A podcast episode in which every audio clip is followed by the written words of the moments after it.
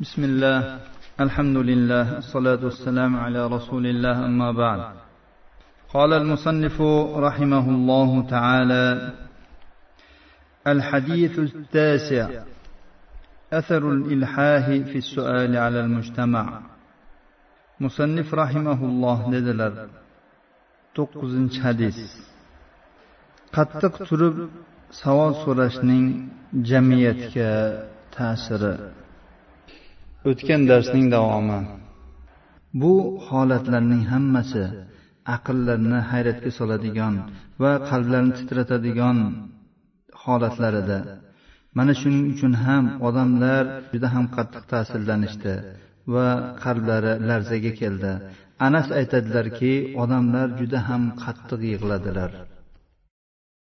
Bu holatlarning hammasi munosib so'zlar bilan hayajonni va yig'ini bostiradigan ko'ngilni ko'tarishni talab qilar edi umar roziyallohu anhu bu narsani tezda anglab yetdilar va rasululloh sollallohu alayhi vasallam oldilarida odob bilan u zotga muhabbat bilan tiz cho'kib dedilarki biz ollohning rob ekaniga islomni din ekaniga muhammad sallallohu alayhi vasallamni rasul ekaniga rozi bo'ldik dedilar. Rasululloh sollallohu alayhi vasallam umardan shu gaplarni eshitgandan keyin jim bo'ldilar. G'azablari bosildi. Mana shundan keyin umar roziyallohu anhu odob va muhabbatga yo'g'rilgan va u bilan uzr ham bayon qilinayotgan ushbu so'zlar bilan rasululloh sollallohu alayhi vasallam ko'ngillarini ko'tara boshladi. Va aytdiki biz alloh taologa tavba qilamiz. Ey rasululloh biz yaqinda johiliyatda yashagan odamlarmiz. Biz johiliyatdan endi chiqqanmiz. Shuning uchun bizdan o'tgan narsalarni kechiring va bizning birodarlarimiz berib qo'ygan mana bu ey rasululloh men qayerga kiraman? Ey rasululloh mening otam kim? Ey rasululloh mening tuyam qayerda? degan noo'rin savollarini kechiring dedi. Hadis ushbu harajli savollar ummatni tarbiya qilish bosqichlarining avvalida ekanligiga dalolat qilmoqda. Chunki umar biz yaqinda johiliyatdan chiqqanmiz deb aytdilar. Shuning uchun ham rasululloh sollallohu alayhi vasallam bu bosqichning avvalida shoshib savol so'rashlikdan va savol berishda qat'iy turib olishdan ogohlantirdilar va savol berish odoblarini o'rgatdilar. Omir ibn sad ibn abi vaqqos otasidan rivoyat qiladi. Nabiy sollallohu alayhi vasallam dedilarki musulmonlar ichidagi eng katta eng ulkan jinoyatni qilgan odam bu bir kishiki harom qilinmagan bir narsa haqida so'ragan bu narsa uning so'rashi tufayli harom qilingan.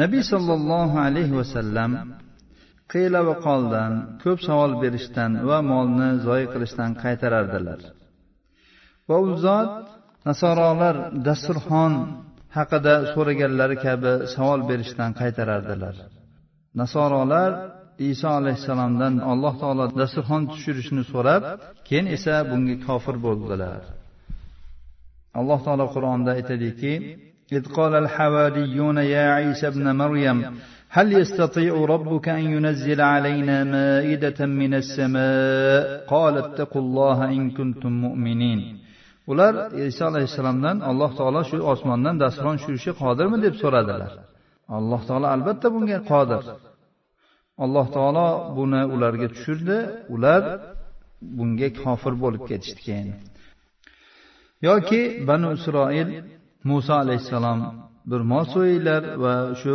qatl qilingan odamni shu molning bir parchasi bilan uringlar u sizlarga turib kim qatl qilganligini aytib beradi deganlarida ular savolni ko'paytirishdi. bu mol qanaqa edi?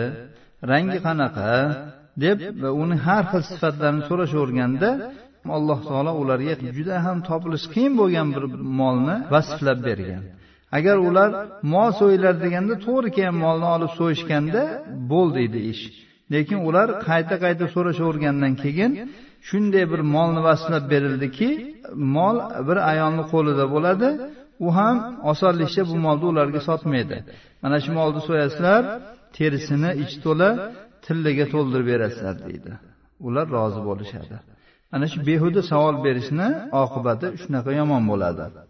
Ibn abbos roziyallohu anhudan rivoyat qilinadi la tasalu an ashyaa oyat haqida deganlarki bu bahira vasila saiba ham haqidadir bahira deb bir necha bola tuqqan tuyani qulog'ini kesib qo'yib yuboriladi. Vasila deb ketma ket urg'ochi po'taloq tuqqan tuyaga aytiladi.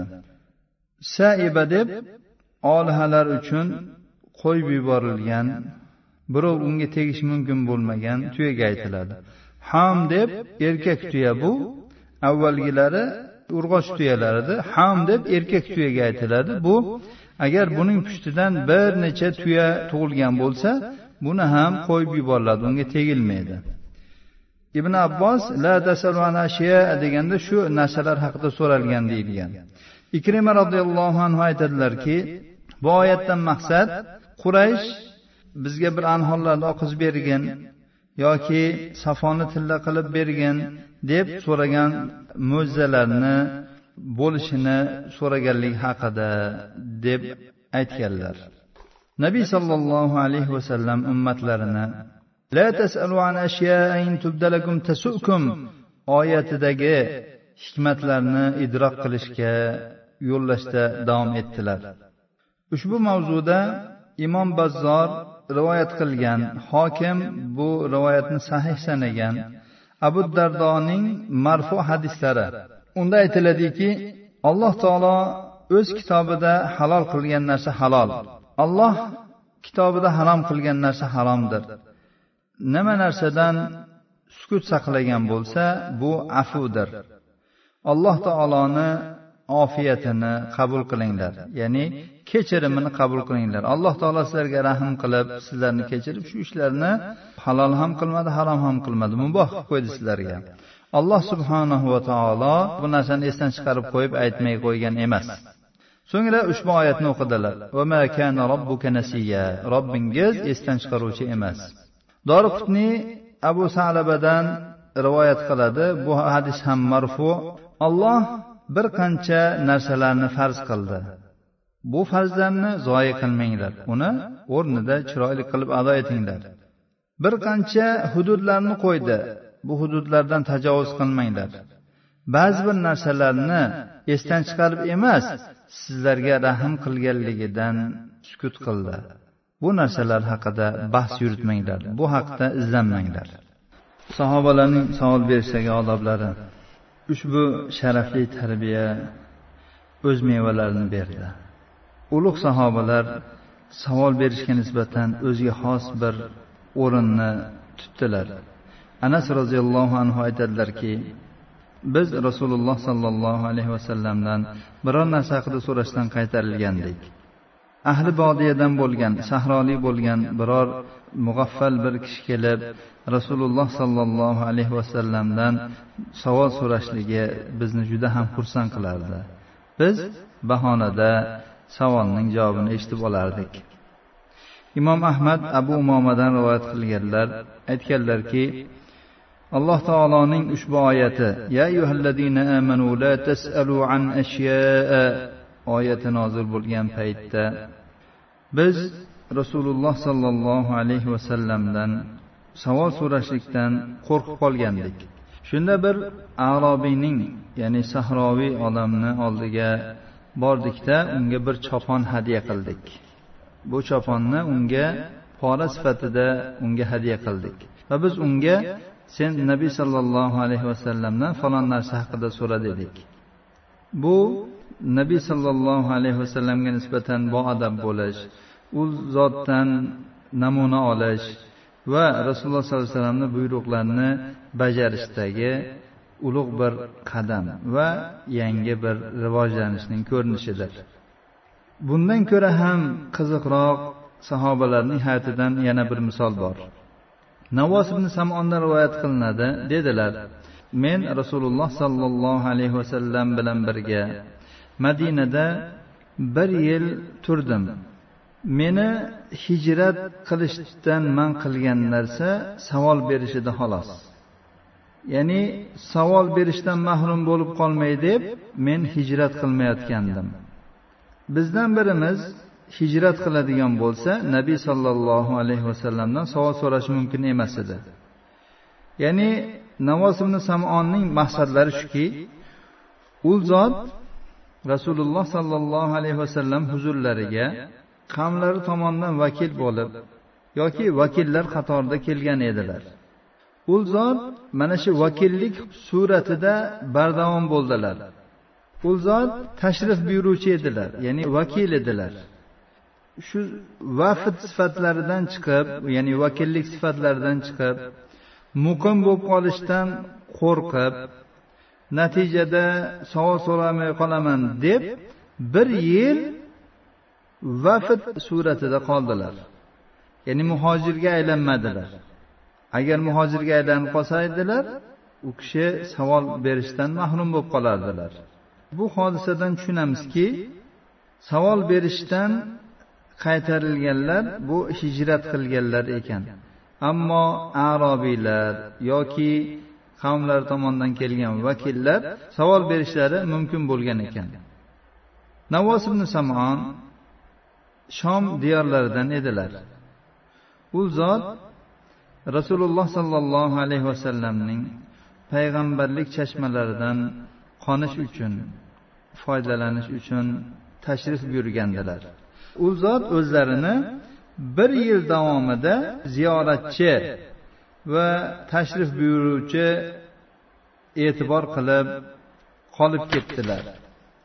Va muqimlik haqida fikr qilmadilar. Buning boisi u kishi muqim muhojir bo'lib qolib undan keyin u kishiga ham savol berishdan qaytarilish shartlari tatbiq bo'lib qolishdan qo'rqqandilar. Bu misol odobning eng oliy cho'qqisi. Harislikning ajoyib bir namunasi va ilm va amal maydonlarida turli ma'rifatlarga chanqoq bo'lgan tolibi uchun ham go'zal bir namunadir. Darsimizni shu yerda to'xtatib turamiz. Qolganini kelgusi darsda davom ettiramiz inshaalloh